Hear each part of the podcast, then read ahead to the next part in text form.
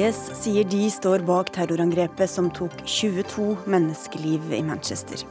En av de drepte var en åtte år gammel jente som hadde kost seg på konsert. Samtidig som jeg blir redd, begynner jeg også å bli nummen, sier redaktør.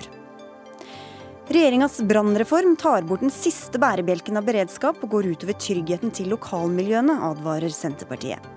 Tøv, svarer justisministeren. 69 av 84 kommuner sa nei til frislipp av vannskuterkjøring. Likevel blir det sånn. Ubegripelig, sier Kragerø-ordfører. Og utallige er de som har forsøkt å skape fred i Midtøsten. Nå er det Donald Trumps tur. Kan det være nettopp han som skal til?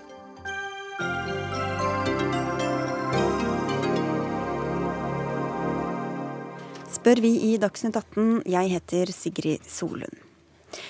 En åtte år gammel jente var altså blant de drepte i terrorangrepet i Manchester i går kveld. 21 eh, andre mennesker ble også drept. Terrorgruppa IS sier de står bak angrepet. Justisminister Per-Willy Amundsen, i dag er mange i sorg og i sjokk. I Norge var terrorfrykten tema i forkant av 17. mai. Da sa du at det var trygt å gå i, i, tog. Og i dag sier statsminister Erna Solberg at vi ikke skal være redde. Hun ba folk om å kose seg på konsert i sommer. Hvordan kan dere være så trygge på å gi disse beskjedene med tanke på dette og disse andre angrepene vi ser rundt om? Jeg kan aldri utstede en garanti om risikofrihet. Men det er viktig å huske at Norge er et grunnleggende eh, trygt samfunn. Vi har eh, trygge forhold. Vi har eh, god beredskap. Vi har faktisk aldri hatt bedre beredskap i Norge enn det vi har i dag. Så det at eh, vi opplever at terroren rykker nærmere, at vi eh, har disse situasjonene som vi har sett, hendelsene over hele Europa, er i seg sjøl en advarsel. Selvfølgelig er det det. Og vi har jo økt trusselnivået. Det skjedde jo 9. april etter hendelsene i Sverige og, og den situasjonen vi opplevde på Grønland. Så vi tar utfordringa på alvor. Men vi har altså et eh, politi som er godt skodd for oppgaven. Et PST som eh, driver etterretning på en god måte. Som er betydelig styrka gjennom denne regjeringsperioden. Og som eh, gjør at ja, vi bidrar til å senke risikoen Eh, og folk skal ikke gå rundt og kjenne seg utrygge i hverdagen. Men man kan selvfølgelig aldri utstede noen sikkerhetsgaranti eh, i enhver situasjon. Vi skal snakke litt mer om hva dere gjør og hva vi kan gjøre, men først skal vi til eh, Manchester og til deg, korrespondent Espen Aas. Hva er siste nytt derfra nå? Eh, det siste nå i ettermiddag er jo at eh, amerikanerne har identifisert eh, selvmordsbomberen som Salman Ebadi. Og han er da født og oppvokst her i Manchester. Født i 1994, og født da av syriske foreldre, et av flere barn.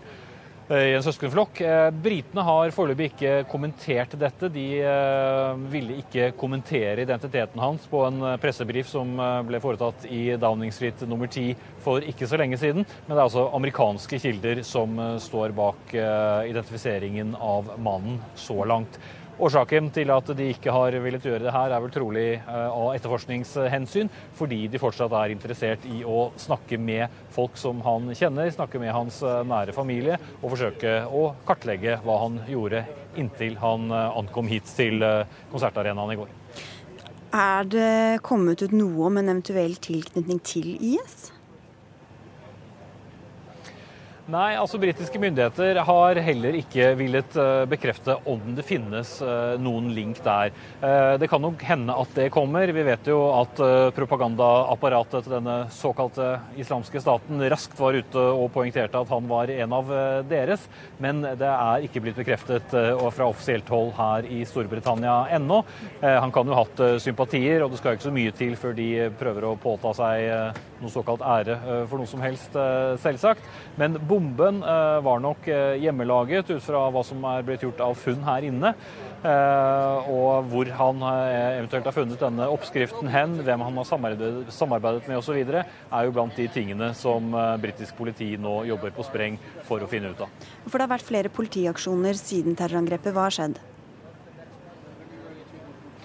Altså, de har jo uh, gått uh, bredt ut, uh, bl.a.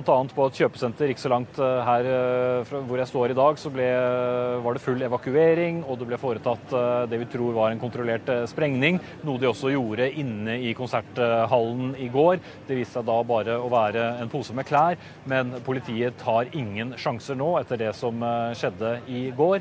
Eh, beredskapen er på sitt eh, høyeste nivå, eh, og nå er det viktig å vise også innbyggerne her i byen at de ikke tar lett på det som skjedde. Justisminister Per-Willy Amundsen, hva er sannsynligheten for at noe tilsvarende kan skje her hos oss? Jeg kan ikke gi deg et prosenttall, men det jeg kan si, er det at de hendelsene vi så i Stockholm i begynnelsen av april, også eh, den eh, situasjonen vi opplevde på Grønland.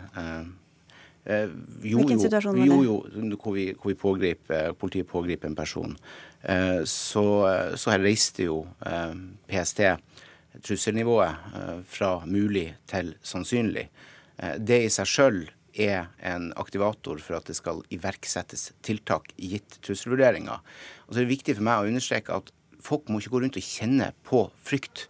Det må ikke være sånn. Men vi skal, være, eh, vi skal ta, eh, ta, eh, på alvor dersom vi ser hendelser, forhold som er verdt å rapportere til politiet, være årvåken. Da er det min klare oppfordring at man bidrar til det. Rapportere det til politiet.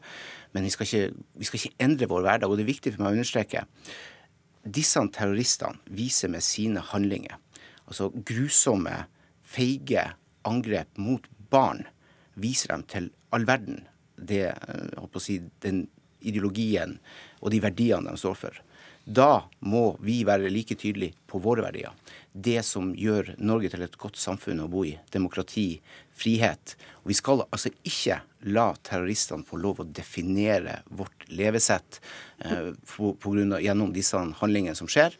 Eh, men så er det viktig å understreke Norge er et grunnleggende trygt samfunn.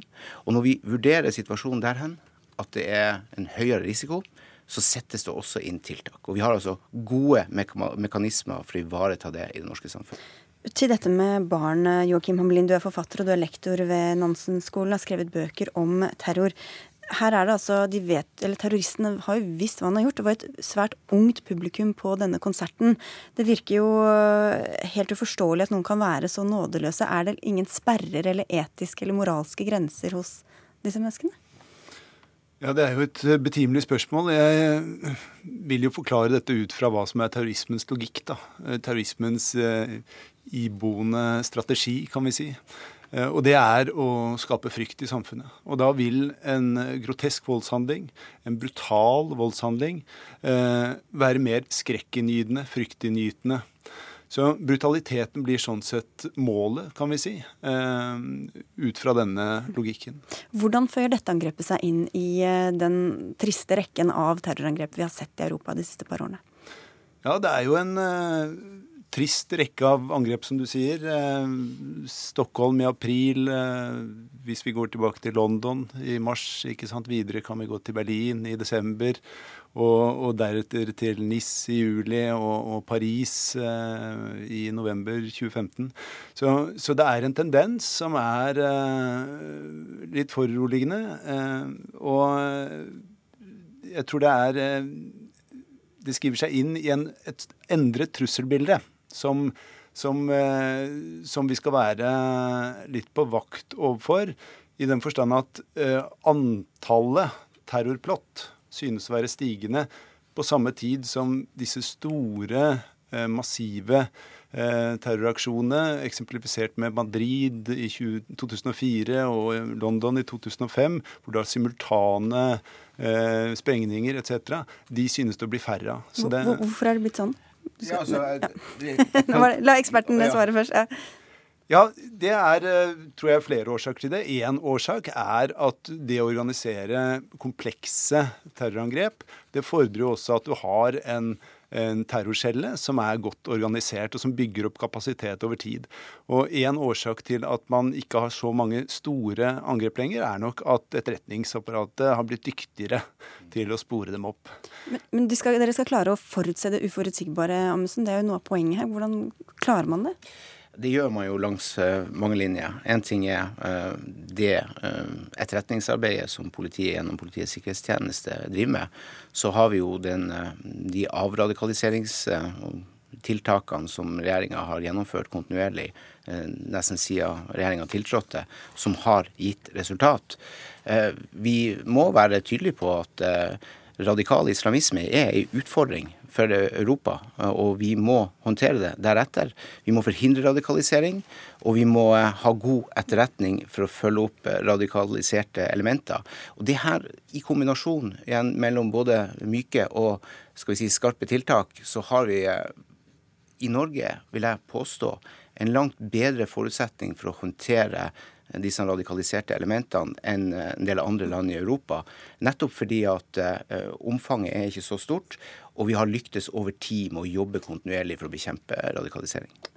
Eh, før Du skal få slippe straks, men eh, jeg skulle bare si at en ting er, du sa jo at vi, skal, vi må ikke la terroristene vinne ved at vi mm. endrer vår, vår verdisett eller vår handlemåte. Ja. Og En ting er jo hvilke sjanser vi tar på vegne av oss selv, men vi tar jo også sjanser på vegne av barna våre når vi mm.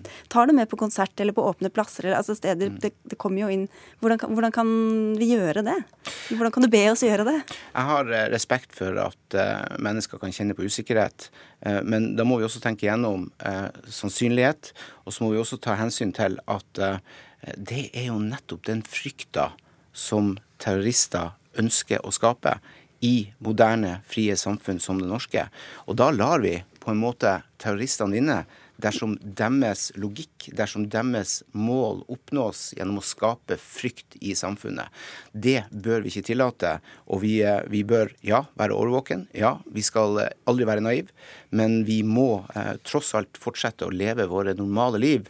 Og så skal vi være trygge på at eh, staten og, og, samfunnet setter i verk gode tiltak for å håndtere eh, trusselsituasjonen. Vi skal si takk til deg i denne omgang, Amundsen. Du kommer tilbake om en liten stund. Vi skal ha litt eh, storleken her. Eh, som vi var inne på, terroren i Manchester er et av mange terrorangrep i Europa de siste par åra. I begynnelsen av april kjørte altså en terrorist inn i kjøpesenteret Åhléns i Stockholm, drepte fem personer. Like før jul rammet terroren et julemarked i Berlin. Tolv ble drept. Og på den franske nasjonaldagen i fjor ble 87 mennesker drept da en lastebil kjørte inn i en stor folkemengde i NIS. Gøril Huse, du er redaktør og daglig leder i avisa Klar tale, og allerede for to år siden skrev du en lederartikkel som het 'Nummen av terror'. Hva tenkte du da du fikk vite om angrepet i dag tidlig? Jeg tenkte å nei, ikke en gang til. Eh, og så tenkte jeg hva nå?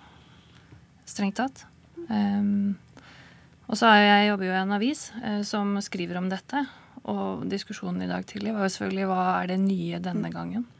Hva, hva er det nå? Og det er barna. Mm. Eh, rett og slett. Som er den nye vrien på det som har skjedd. For denne følelsen av nummenhet, hva, hva kommer den av? Nei, Jeg tror det handler om mengde. Fordi eh, det har vært 15 angrep i Europa i år. Eh, og vi blir like redde og like frustrerte hver gang det kommer en ny nyhet. Eh, om hva som har skjedd. Fordi at det berører eh, foreldre, unge mennesker, barn, familier overalt fra hele verden. Og vi kunne vært der. Det kunne skjedd oss. Og på et eller annet tidspunkt så slutter vi å ta det inn over oss. Eh, fordi at det faktisk gjør noe med en selv hvis en begynner å føle for mye på det. For da blir vi fort redde. Professor emeritus og tidligere seksjonsleder ved Nasjonalt kunnskapssenter om vold og traumatisk stress, Lars Weiseth. Er du enig? Er vi blitt litt numne mot denne terroren? Jeg tror nok en del har problemer med å leve opp til det som eh, er, skal være holdningen mot terror, nemlig at man skal være skjerpet, men ikke bli nervøs. Uh, altså Frykt uh, i riktig mengde hindrer jo farer ikke sant, og setter deg i stand til å oppdage fare. Men så har altså frykta en annen effekt, og det er at den skal få oss bort fra fare, ikke sant. Flukt, altså. Mm. Og da er dette med benektning og, nummenhet nok eh, en, en, reaksjon som en del vil få. Det er veldig vanskelig faktisk over tid å, å ha riktig fryktnivå. Mm. Det eneste mennesker som virkelig er redde hele tiden, det er de angstnevrotikerne. Men de har jo fienden inni seg, ikke sant.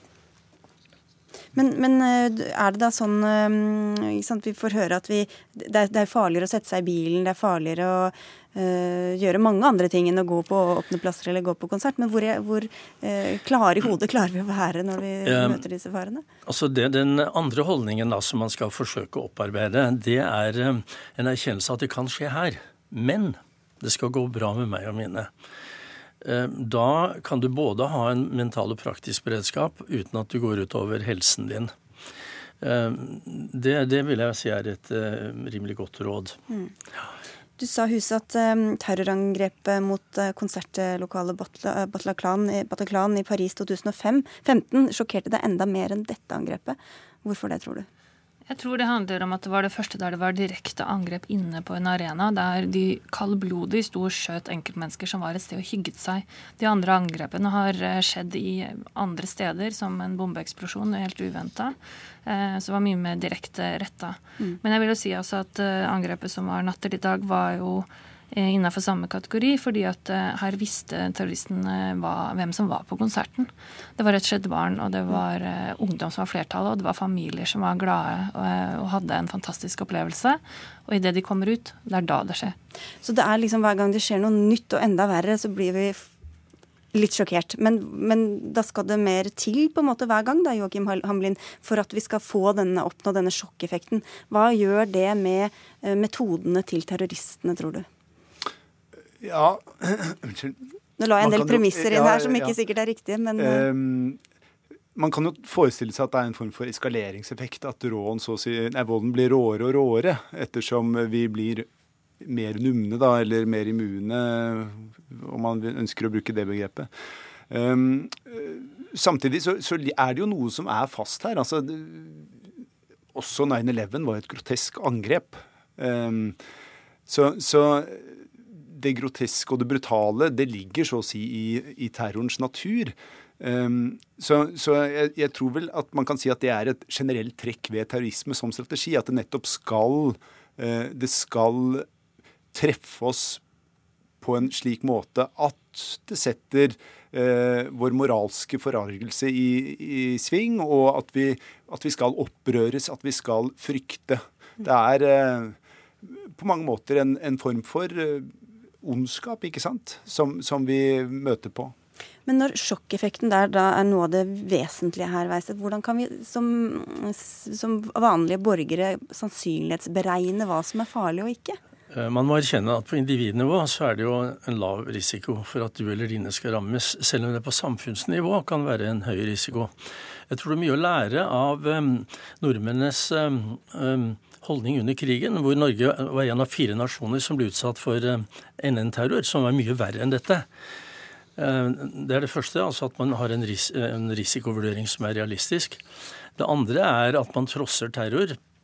Eh, altså at jeg vil ikke bli redd eller uhensiktsmessig sint, for det er det de prøver på. ikke sant? Det er ikke gitt at du skal bli redd hvis noen prøver å skremme deg. Du kan velge å bli altså Som vi så etter 22. Den vanligste reaksjonen var jo uh, sorg og gråt. På annenplass kom sinne. Og frykt, som da terroristene ønsket, å komme jo langt ned på listen, faktisk. Og så er det eh, det som ble nevnt i foregående intervju her, eh, kunnskap om hva samfunnet gjør, i tillegg til det du selv kan gjøre ikke sant, for å hindre dette. Og, og det siste dimensjonen da, som er viktig, det er at terror er krig i fredstid. Mm. Altså ofrene blir uskyldige og tilfeldige ofre for en kriminell handling. Men politisk vold er jo rettet mot samfunnet. Altså blir du også, uten å be om det, en deltaker i en viktig samfunnskamp om grunnleggende verdier. Og når en stresspåkjenning får mening, så tåler vi mye mer. Altså saken uh, blir så viktig at, at jeg, uh, jeg vil uh, være deltaker og ikke bare et passivt offer. Men dem som blir redde, da? Er det greit å vise det til barna, eller hvordan oppfører man altså, seg som voksne? Ja, det er klart når barn rammes, og her er det mange foreldre som sikkert har dårlig samvittighet i dag for at de ikke var der, eller at de lot barn og ungdommer dra på dette arrangementet. ikke sant? Og vi vil nok se nå en øket eh, hva skal jeg si, både hos barn og foreldre et øket behov for uh, å, å, å, vite hvor vi er i forhold til hverandre. Um, det, det, tror jeg nok. Um, ja. Mm. Til slutt her, Hamelin, Er det også noen som blir mm, vi var jo så vidt innom det i sted, som blir inspirert av dette her da, når de ser eh, grusomhetene? Så er det da noen som også velger å, å slutte seg til? Ja, Det er jo vanskelig å spekulere i, men smitteeffekt det er jo et fenomen som er kjent innenfor eh, terrorhistorien, i hvert fall. Eh, så, men det er jo jeg tror ikke vi dermed skal si at uh, ja, nå er det uh, Nå vil vi se mer av lignende type terrorscenarioer nødvendigvis i fremtiden. Fordi det er jo uh, på mange måter noe radikalt nytt over dette angrepet, i og med at man i hvert fall med gode grunner kunne anta at dette ville ramme barn og unge veldig direkte. Og så blir vi bedt om å fortsette som før, Gøril Huset. Tror du du klarer det? Eh, ja, jeg skal eh, prøve. Det er det jeg skriver også. Men eh, jeg syns det er et paradoks da at barna våre må vokse opp med væpna vakter i forbindelse med at de skal hygge seg, enten de skal gå i barnetoget eller om de skal gå på konsert. Fordi det er det som kanskje blir realiteten vår framover. Så Det er veldig få av oss som har opplevd at noen vil ta livet vårt. ikke sant? Så denne ondskapen skiller seg jo fra andre voldsomme dødsfall i ulykker. Men det vi finner i studiene våre, er at 80% av mennesker som blir utsatt for dødsfare, eh, blir faktisk sterkere av det. Men det er de 20% som du var inne på, som har en angstberedskap som eh, får en øket følsomhet etter slike hendelser. Og for dem kan det bli psykiske vanskeligheter fremover. Mm. Ja, så tror jeg også at det er noe ved det at Vel, det er klart som trebarnsfar så merker jo jeg også at eh, vel, dette med trygghet, at barna kommer seg kan gå på konserter, fotballstadioner etc. Og eh, uten at jeg skal være engstelig for at de skal rammes av terrorister eller annet eh, som kan finnes av trusler. Det er jo én ting. Men jeg er jo også veldig opptatt av at barna mine skal vokse opp i et fritt og godt og åpent samfunn. Og det innebærer jo at vi, vi må sette flere hensyn, trekke inn flere hensyn enn bare dette med trygghet og sikkerhet. Det er én dimensjon av mange som vi skal gi barna våre. Det får bli siste ord i denne runden. Tusen takk skal dere ha alle sammen. Gøril Huse, Lars Weiseth og Joakim Hammelin. Takk.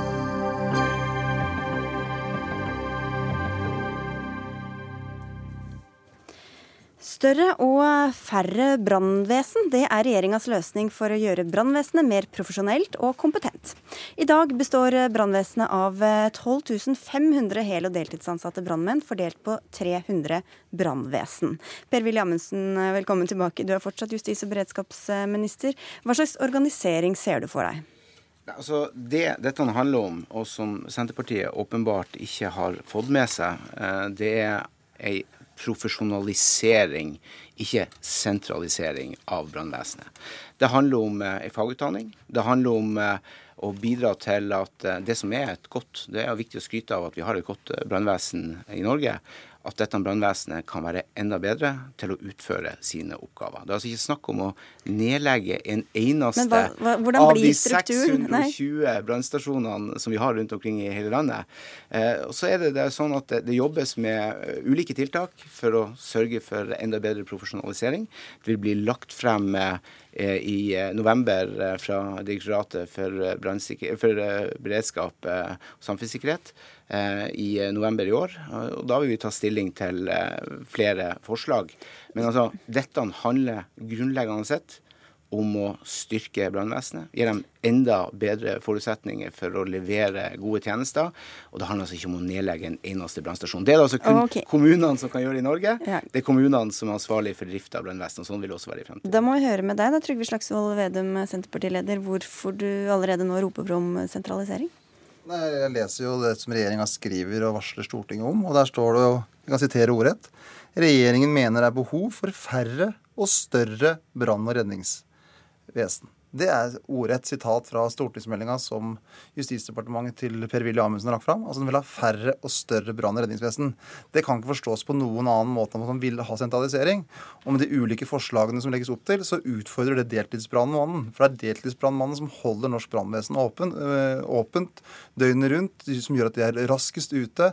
I 48% av alle tilfeller så er brannvesenet før ute enn politi og andre redningsetater. Nå har øh, Per-Willy Amundsen sørga for å sentralisere politiet. De sørger for å sentralisere Heimevernet. De bygger beredskapen ned rundt omkring hele landet. Og når du hører ord her med større og robust og mer profesjonelt og alle de her flotte orda som, som regjeringa bruker, så er det jo akkurat det samme som de sa på andre reformen. Og det står jo i deres egen ja. melding at de vil ha færre og større. Og da er det rart hvis, du, hvis, dere har skrevet det og dere ikke mener det. Ja, Hva kaller man det hvis man slår små enheter sammen til én større, Per Williamsen? For det første, hvordan du organiserer det på kommunenivå eh, hvordan du eh, organisasjonsmessig bygge opp brannvesen. Så det er ikke det samme som å nedlegge Nei, men dere skal slå sammen enheter til en større? Brannstasjoner. Skal dere det, sånn eller skal dere ikke har, det? Vi har, eh, altså, det er jo ikke vi som vedtar det.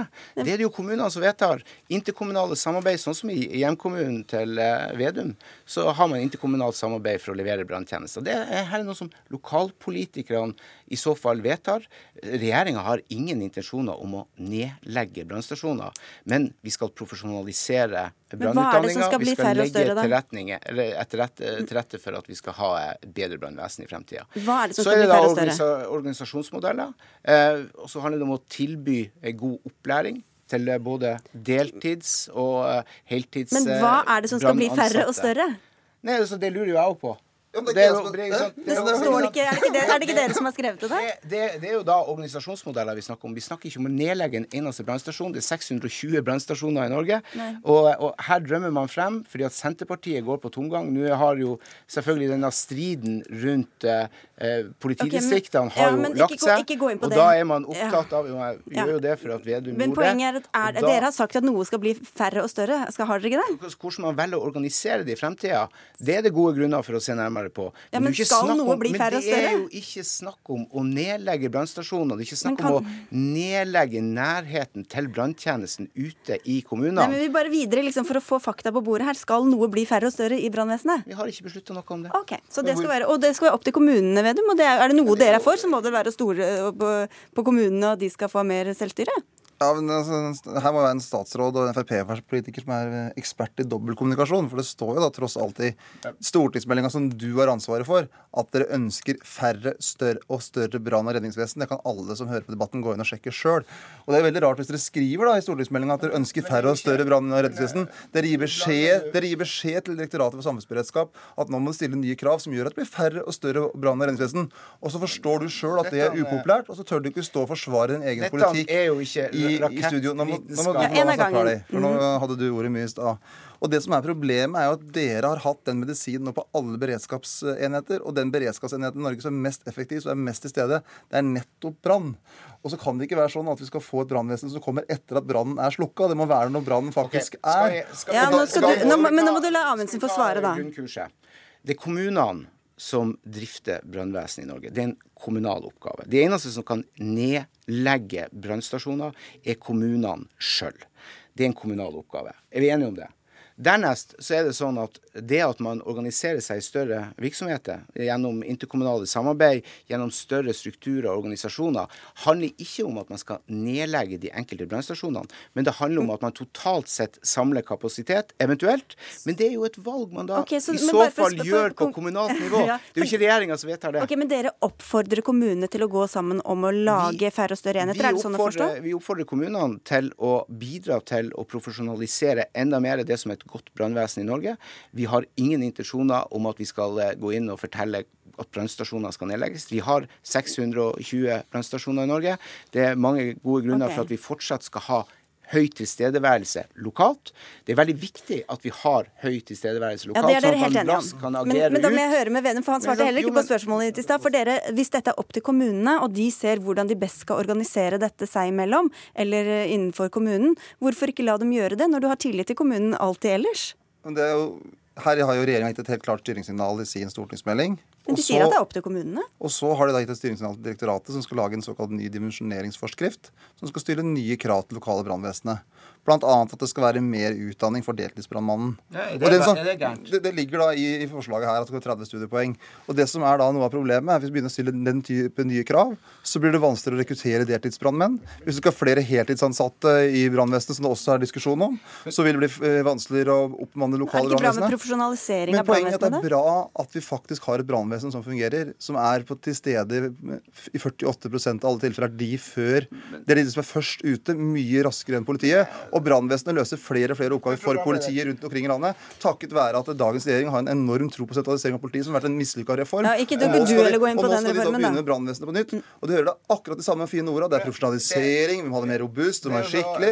Men så er det jo føringen som ligger der. Senterpartiets leder står og prater ned at vi vil gi opplæringstilbud til deltidsbrannmenn. At vi skal gi opplæringstilbud og profesjonalisere, gi mulighet til kursing. Men han tror ikke at det blir like mange brannmenn etter den profesjonaliseringa? Altså det, det kan jo snakke om å gi det tilbudet til folk som allerede er deltidsbrannmenn og -kvinner der ute. Altså, det, det her hvordan man i hele tatt klarer å lage noe sånt til en negativ greie, det er det altså kun Senterpartiet som er, som er i stand til å gjøre. Og det er jo fordi at de kun har én sak. Det er Eh, og det å se sentraliseringsspøkelset i alt regjeringa foretar seg Her er det så totalt uriktig, Vedum, mm. at jeg, jeg klarer ikke å forstå hvordan det hele tatt klarer å lage men, den. Vi, vi, må, vi må avslutte, men Kan du garantere at det blir like mange brannmenn og -kvinner ute i landet Jeg kan ikke ellers? garantere på vegne av norske kommuner hvordan de velger å innrette brannvesenene lokalt i fremtida. Det er altså en kommunal oppgave, og jeg går ut fra at uh, Vedum i likhet med meg har tillit til at lokalpolitikerne har de beste utgangspunktet for, å, for det de har skoen på, kjenner behovene lokalt. Det som er viktig, er at vi skal ha lokal uh, branntilbud ja, over hele landet, og at det skal være raskt tilgjengelig når ulykka er ute. Ja. Mm. Ja, og Da er det jo forunderlig at regjeringa sjøl skriver at de ønsker å ha færre større brann- og redningsvesen. og dere sier at det er sentralisering som er svaret. At vi vil nedlegge brannstasjoner. Ja, men det står rett og slett færre og større. Og du, da er vi tilbake til start. Jeg tror vi må si Nei, ikke noe også. Ja, ja, ja, ja, ja, Nå drar vi ned spakene deres. per Willy Amundsen og Trygve Slagsvold Vedum, tusen takk for at dere kom til Dagsnytt 18.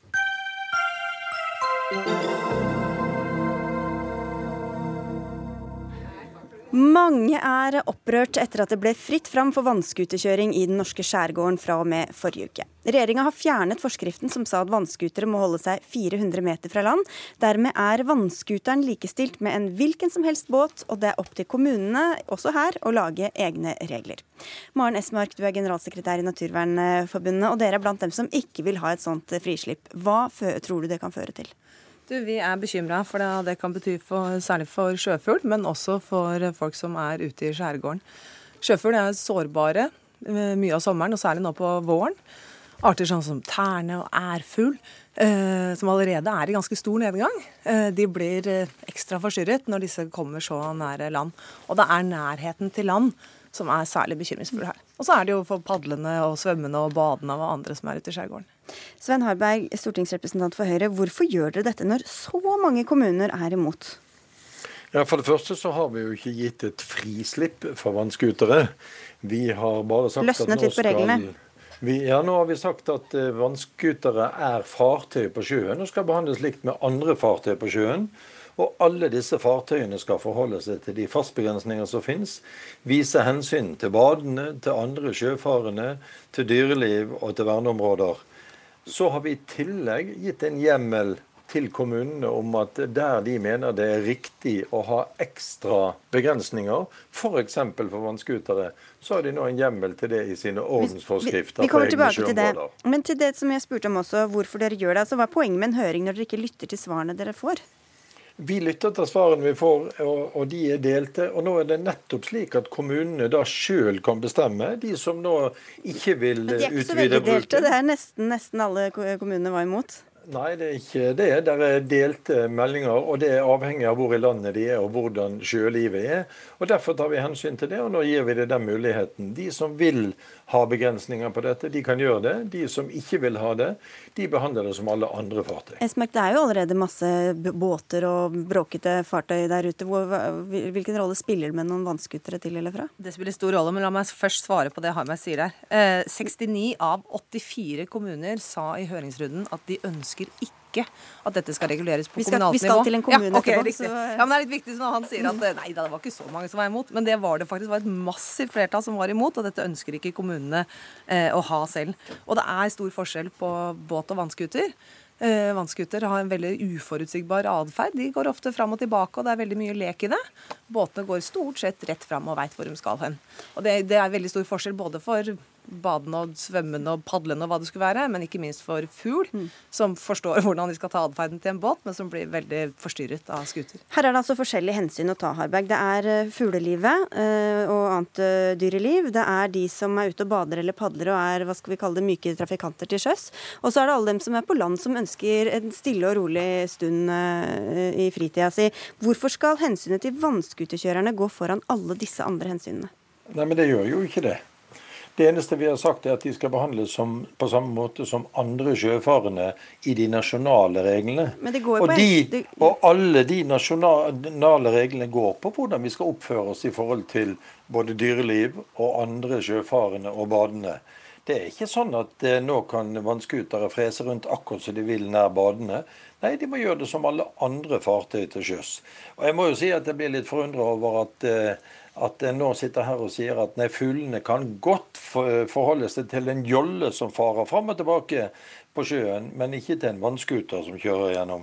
Eh, det, det er nok noe som blir vanskelig å ta seriøst som et argument i saken. Vi som er mye på sjøen, ser at det er forskjellig eh, atferd med alle de forskjellige fartøyene.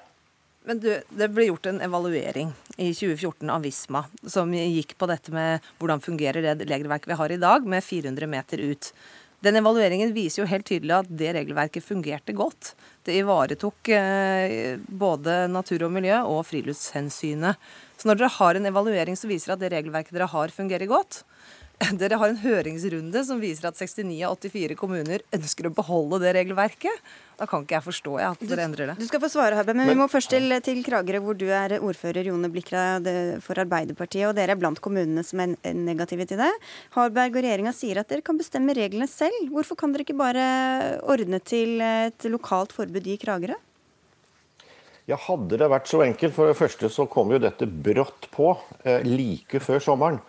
Og man vet jo at skal man lage en forskrift, så må man behandle det politisk. Det skal ut på minst to måneders høring, og så skal det godkjennes av direktorat og departement. Så denne sommeren her er det uansett frislipp. Det verste med det er at de har tatt bort også forbudet i verneområder. Og i nasjonalparken, Jomfruland nasjonalpark og Raa nasjonalpark på utsida av Arendal, så er det nå altså anledning til å kjøre vannskuter, noe man ikke har lov til i Hvaler og Færder nasjonalpark. Harberg? Ja, det er, Igjen så brukes begrepet at dette er frislipp. Det er det jo slettes ikke. Men til Det dette med de lokalt regelverk, han sier det er helt umulig å få til noe nå i sommer.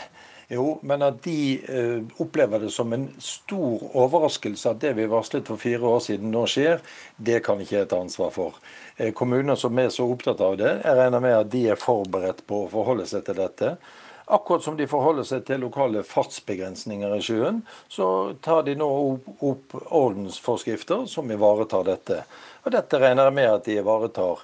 Jeg syns det er rart at det det reagerer sterkt på at de nå kan tilpasse det til sin kommune og til sine verneområder, eh, og syns det er dårlig. Vi har tiltro til kommunene og de folkevalgte. Det er du som eh, ikke har fulgt helt med i timen, da, Blikra? Ja, jeg hører jo det. Og da er jo svaret tilbake at den hjemmelsmuligheten vi nå har når man har fjernet forskrift, er å vise til andre lover for å få regulert dette her. Og da er jo nå vannskuter likestilt med båt. Eh, Og er det slik nå at man skal da finne opp en ny hjemmel, som vi da ikke har per dags dato, slik at vi kan ta ut igjen dette med vannskuter og lage egen forskrift om det, Nei. da blir dette her bare tull. For da må vi også forby båter samtidig, bli tvunget til det i visse områder. Dette er jo det direkte faktafeil. Den hjemmelen som nå er gitt i ordensforskriften for egne sjøområder, den gir hjemmel for å forskjellsbehandle mellom farkoster når det er en begrunnelse for det. Så dette kan de gjøre med den hjemmelen som nå er gitt. Så er det jo en fordel å da lese de eh, gjeldende eh, hjemler som nå er, så kan en altså eh, håndtere dette. Vi skal komme inn litt fra studio her også. Ja, du, du er uenig i det, skjønte jeg. Eh, Men Maren Esmark, er, altså, vi var inne på forskjellen på båt og vannskuter, men hvorfor skal man ikke ha tiltro altså, Her prøver de å rydde i regelverket. Hvorfor ikke bare ha tiltro til at folk faktisk har litt vett i skallen og klarer å vise hensyn også hvis de kjører en vannskuter? Eh, Det finnes veldig mye fornuftige kommuner der ute. Det finnes sikkert mange fornuftige vannskuterkjørere også. Men nå har vi hatt et regelverk som vi har testet ut noen år. Det fungerer relativt bra. Kommunene ønsker å beholde det. Og de har særlig fokus på dette med å beholde det samme regelverket langs hele kysten. For uansett hvor mye vett du har i skallen, så ser du ikke kommunegrensa ute i sjøen. Og da er det ikke godt å vite om du har passert kommunegrensa. Kanskje var det der 400 meter, og så skal du tilbake igjen til der det var 50. Så det å ha én forskrift per kommune nedover langs sørlandskysten er veldig upraktisk og helt unødvendig. Og det kommunene sier er jo i høringsrunden at de har ikke kapasitet og kompetanse til å forvalte dette på lokalt nivå. Så Harberg bør ikke bli så veldig overrasket over at de reagerer nå. Harberg? Nei, men, ja, nå er det jo 426 kommuner som har fått dette til høringsuttalelse. Og av de er det altså eh, dette antallet som er imot. Så hvordan det er så overveldende av 426 kommuner, det har vi nok eh, forskjellige meninger om. Men poenget er at vi nå prøver å forenkle regelverket. Vi tar vekk unødvendige forskrifter som, som eh, Ja, det har varetatt noe av ferdselen langs kysten, men ikke all ferdselen langs kysten. Det sier også evalueringen helt klart. Nå er det opp til kommunene, og det tror vi de håndterer på en god måte. Og så må vi alle oppfordre alle sjøfarende til å oppføre seg skikkelig på sjøen. Der har vi en jobb å gjøre med hverandre. Det får bli siste ord eh, i denne runden. Takk skal dere ha, Maren Esmark fra Naturvernforbundet, Jone Blikra som er ordfører i Kragerø, og Svein Harberg som er stortingsrepresentant for Høyre. Hør Dagsnytt 18 når du vil. Radio NRK Radio.nrk.no.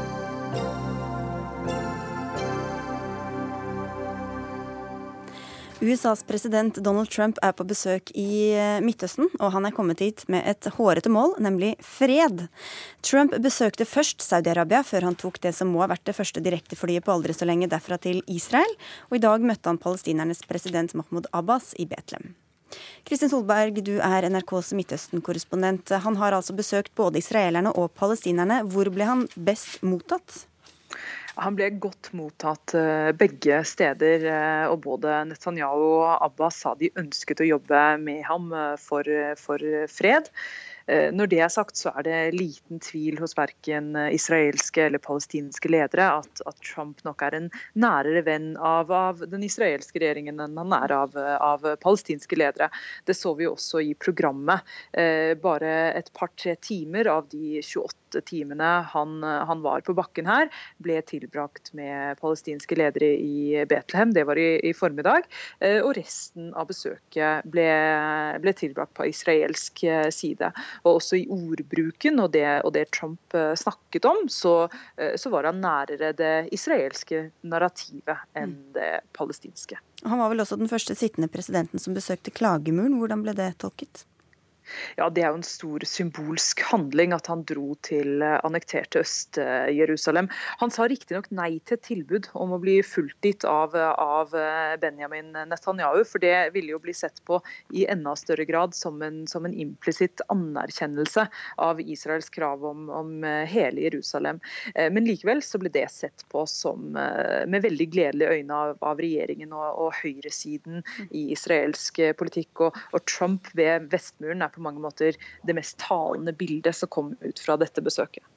Det er mulighet akkurat nå. Det er et stort ønske om fred i Midtøsten. Folk har fått nok av drap og blodsutgytelser, sa Trump da han var i Israel. Men er situasjonen annerledes nå enn den har vært de siste årene? Nei, eh, det er nok sant det han sier om at det er et ønske om, om fred. Eh, det er jo noe de aller fleste mennesker ønsker, men, men, som i de fleste konflikter så vil de helst ha det på, på sine egne premisser. Og, og, og, mange kommentatorer påpeker jo dette med nettopp dette med akkurat nå, som Trump sier, som kanskje ikke er den beste muligheten i akkurat denne konflikten. Partene har jo ikke snakket sammen siden 2014, og, og internt på begge sider så ligger det heller ikke så godt til rette です。Rette for det. Eh, Netanyahu har jo sterk motstand innad i regjeringskoalisjonen til, til en palestinsk stat eh, på Vestbredden. Og, og Mahmoud Abbas' parti Fatah er i, er i, stor konflikt med Hamas på Gazastripen. Takk skal du ha, Kristin Solberg. Vi skal fortsette analysene litt her eh, i studio. Hanne Gunn Reslien, du er Midtøsten-forsker og førsteamanuensis ved Cyberforsvaret.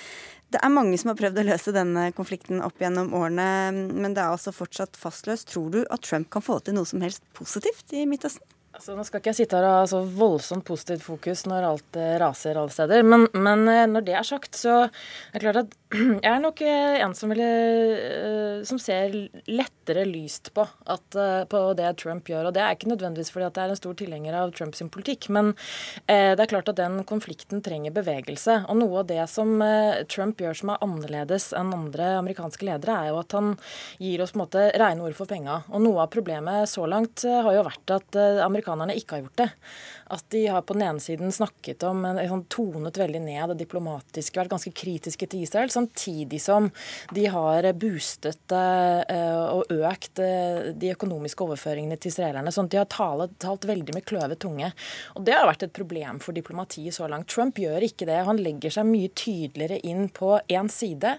Og det gjør at han f.eks. også er med på å booster og gjør Israel sterkere. sånn at Om det er en god ting, er selvfølgelig et spørsmål. Men mm. At det skaper en bevegelse vi ikke har hatt på lenge, det er ganske klart.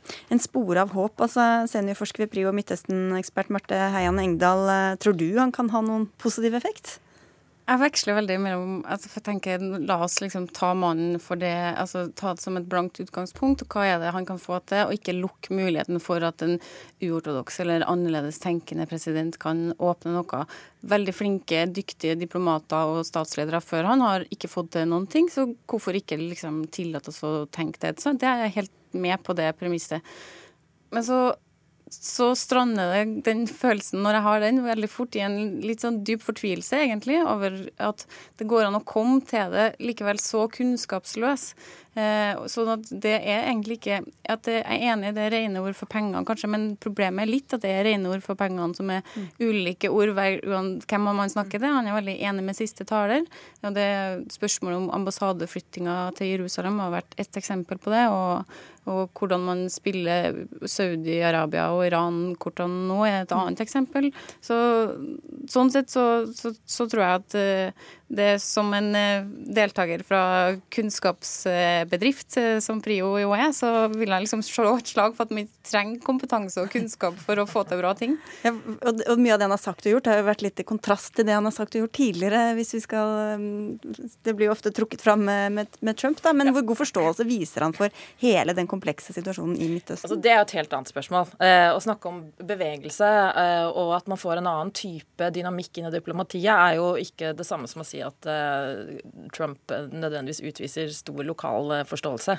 Og han ønsker jo uh, Han spiller jo Han vil samtidig løse Syria-konflikten ikke sant? Og, og, mener en masse om Iran og Saudi-Arabia. Og det er klart at det regnestykket han prøver å løse, er umulig. han klarer ikke løse alle disse konfliktene samtidig ved å spille, for, spille de ulike partene opp på hverandre. Så det går nok ikke. Mm. For nå er han venn med Saudi-Arabia og utpekt Iran som fienden Litt sånn i motsetning til hva han har sagt tidligere også? Altså, jeg tror Han har vært eh, ganske tydelig på at Iran er eh, dårlig kompis å ha hele veien. Men Saudi-Arabia har vært mye mer i kampanjen, så var det en helt annen tone. Det var ikke måte på hva slags ondskap og jævelskap som kom derfra. Og så har han vært der nå på en sånn eh, festivitas uten like og inngått store militære avtaler og åpna et senter for eh, ikke-radikalisering. Mm. Eh, og snakke så hardt og skarpt mot eh, Iran og bare et døgn etter at Rouhani ble gjenvalgt eh, som president i Iran, som eh, kan si mye om han, men han tross alt representerte et mer moderat eh, valg da enn mm. eh, sin eh, motstander. Så det at han spisser frontene eh, mellom sunni-verden og shia-verden i Midtøsten, det er absolutt ingen god nyhet. Det, ja, det, gjør den kanskje nærmere Israel, for det ligner veldig på den type eh, retorikken og verdensbildet som preger politisk tenkning der. Men verken palestinerne eller israelerne får det noe bedre av at den kampen spisses ytterligere. Hva gjør, kan det gjøre med maktforholdene i eh, Midtøsten?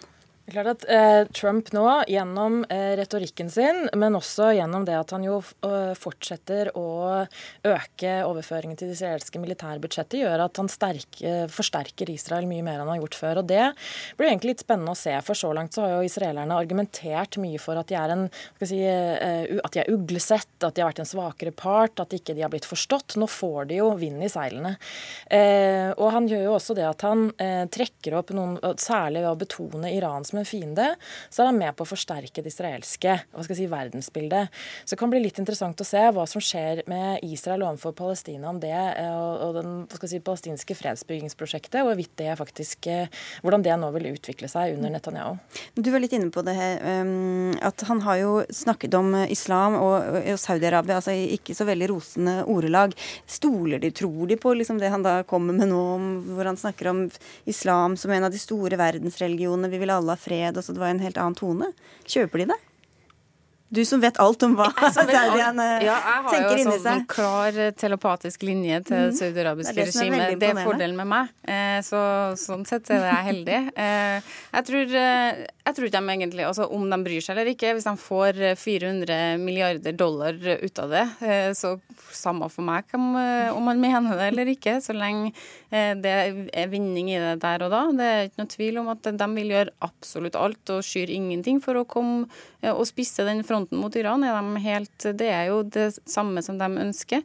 Og det er jo mange av oss som forventa og satt med litt klump i halsen før den reisen og tenker nå er det seiles det opp en skikkelig sivilisasjonskonflikt her, som, har, som ville vært et naturlig forventning etter den kampanjen og sånn som man har uttalt seg og agert eh, fram til nå. Og så er det istedenfor den sivilisasjonskonflikten på en måte bytta ut med den her sunni-shia, at han har helt klart stilling da, i den sekteriske kampen som det er, og på den måte forsterke det som tar vekk alle andre politiske problemer som faktisk eksisterer i den regionen, og redusere det til en veldig sånn eh, enkel inndeling.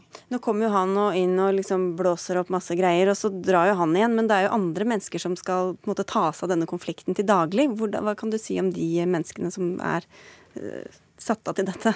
Ja, altså det er klart at altså, Du snakker om israelsk-palestinsk-konflikten akkurat nå. Ja, så, og, og uh, Trumps folk der. Ja, nettopp. Uh, så er jo de, har jo de de samme kortene å spille på som de hadde før. at det er klart Du endrer jo ikke hele det diplomatiske regimet på, på bånn. Men det er klart at uh, um, um, Som jeg nå har sagt eh, før, er at noe av det som kan endre seg med det han jo faktisk gjør nå, er at eh, den israelske siden vil etter dette argumentere annerledes. Og de vil også ha et annet, annet utgangspunkt enn de har hatt før. Og Det er noe av det som kan være med på å endre, eh, eh, endre dynamikken i det. Når, men samtidig så er det klart at én ting er å få i gang en avtale. Noe helt annet er å få med seg eh, folka på bakken og menneskene. ikke sant? Og Da begynner vi å snakke om eh, bosettere som må forflytte seg, og, og Hamas som må være med. og Det er en helt annen type problemstilling. Ja, det, Den utsendingen man har, da, som, han som er leder eh, som skal ta seg av internasjonale forhandlinger, Jason Greenmet, har jo overraska veldig mange av de klassiske aktørene på bakken på begge sidene, og også eh, internasjonale kommentatorer og analytikere med å være, selv om han er et ubeskrevet blad i denne sammenhengen, med å være veldig åpen, lydhør, høre på alle inviterte samtaler og være eh, Så hvis vi skal liksom tilbake til det halmstrået om at eh, kanskje noen som er helt fersk, kan bringe noe nytt, så er det det er tynt, men eh, det, det er der. Vi får holde oss fast i håpet så lenge det er der. Takk skal dere ha begge to for at dere kom, Marte Heian Engdahl fra Prio og Hanne Eggen Røiselien fra Cyberforsvaret.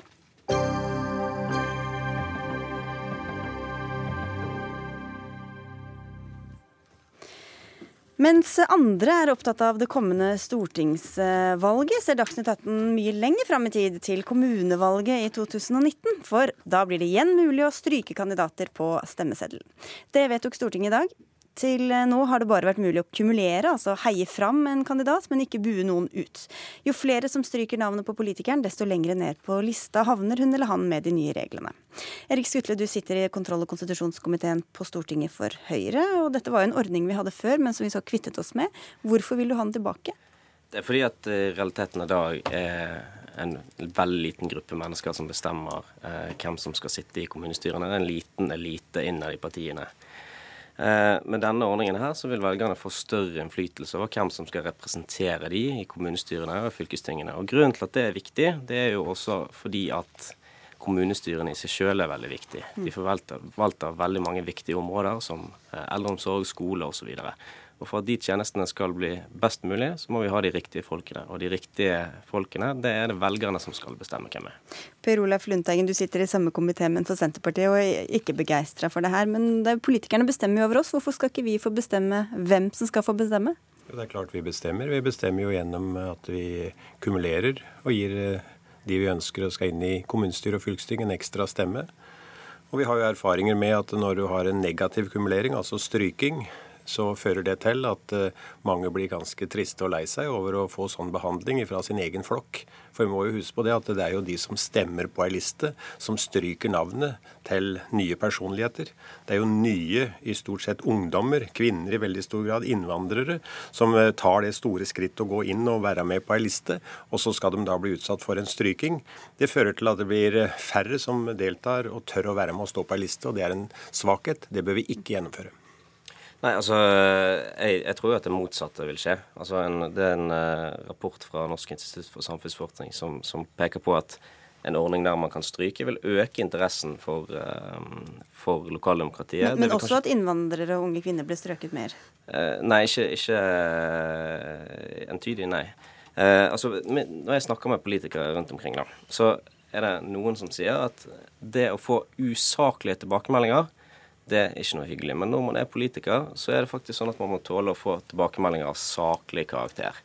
Og det å skulle få et negativt stemmetillegg, sånn som vi eh, nå innfører, en ordning som vi har hatt i Norge frem til 2003, Eh, så er det en saklig tilbakemelding. Og det er faktisk sånn at demokratiet vårt det er til for velgerne. Det er ikke til for politikerne som stiller til valg.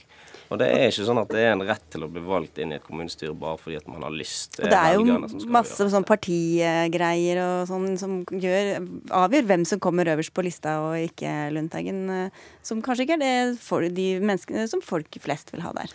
Ja, Fortsatt så skal vi jo ha den ordningen at eh, partiene kan kumulere noen representanter. Så det er jo ikke det eh, Skutle snakker om. Og det er det partiet sjøl som bestemmer. altså Om en skal akkumulere én eller to eller tre. De får jo da en ekstrastemme i utgangspunktet, og det skal veldig mye til at de som har fått en ekstrastemme fra sitt parti, ikke blir valgt inn. Det vi nå snakker om, er altså skal vi som velgere kunne gi en ekstra stemme Samtidig som vi skal gi en minusstemme. Mm. Og den minusstemmen den har vi jo erfaring for at det rammer veldig mye unge folk. Altså, Skutle snakker her om politikere. Det er jo helt feil. Det er jo vanlige mennesker som tør å ta det skrittet å stå på ei kommuneliste. Og blir da utsatt for en stryking mm. som jo går så inn i sjelen på en at en da blir redd for å stille opp igjen. Og det fører til at andre som er engasjert og har klare meninger, blir redd for å stille opp. Og det er en svekkelse. Dagens ordning med å gi det positive til de som en vil ha fram, fungerer godt. Ingen grunn til å endre noe som fungerer. Hvordan vet du at det er saklige grunner som ligger bak å stryke noen i det hele tatt? Ja, altså Et negativt stemmetillegg på en valgliste er jo helt åpenbart en saklig tilbakemelding. Og det som er, det som er problemet, er jo at uh, i dag så kan man kun bli belønnet for positivt. F.eks. hvis man er en kommunestyrekandidat eh, som kommer med et utspill som blir eh, godt mottatt hos 1 av velgerne, mens 99% av velgerne syns at det er et tåpelig utspill som man ikke syns noe om. Eh, så kan da den ene prosenten de kan gi tillegg til denne representanten, kanskje sørge for at vedkommende kommer inn i kommunestyret. Og de 99% som syns at dette var et forferdelig tåpelig utspill, de har ingen mulighet til å motsette seg. Så det er en maktbalanse han vil ha, da? Absolutt. Skutle snakker om negativt stemmetillegg. Smak på det. Negativ, det er minus. Stemmetillegg er pluss. Altså Det er sånn abstrakt språk som en lærer seg på Stortinget. Saken er det at Skutle ønsker at folk skal få minus, mm. og en skal få pluss. Senterpartiet sier at vi gir pluss. Og de som får flest pluss, de kommer inn i kommunestyret. Mm. De som da får få plusser, de erkjenner da at vel, jeg fikk ikke så mange plusser, men jeg blei ikke ramma i sjelen, så jeg har lyst til å stille opp igjen. Ja, for det er jo, det er jo problemer mange steder med å få i hvert fall unge og, og, kvinner til å stille på disse listene, Skutle. Så det gjør det vel ikke ekstra motiverende å vite at du kan bli strøket, i tillegg til å liksom kjempe deg inn på den lista Jeg tror det viktigste for rekrutteringen til lokaldemokratiet, det er økt interesse for lokaldemokratiet i sin alminnelighet. Du er ikke redd for sjelen til de som stiller? Nei, det er ikke i sjelen til de som stiller at min sympati er. Min sympati er hos velgerne, som i dag har altfor liten innflytelse over hvem som skal sitte i kommunestyret. Kommunestyret skal være et representativt organ.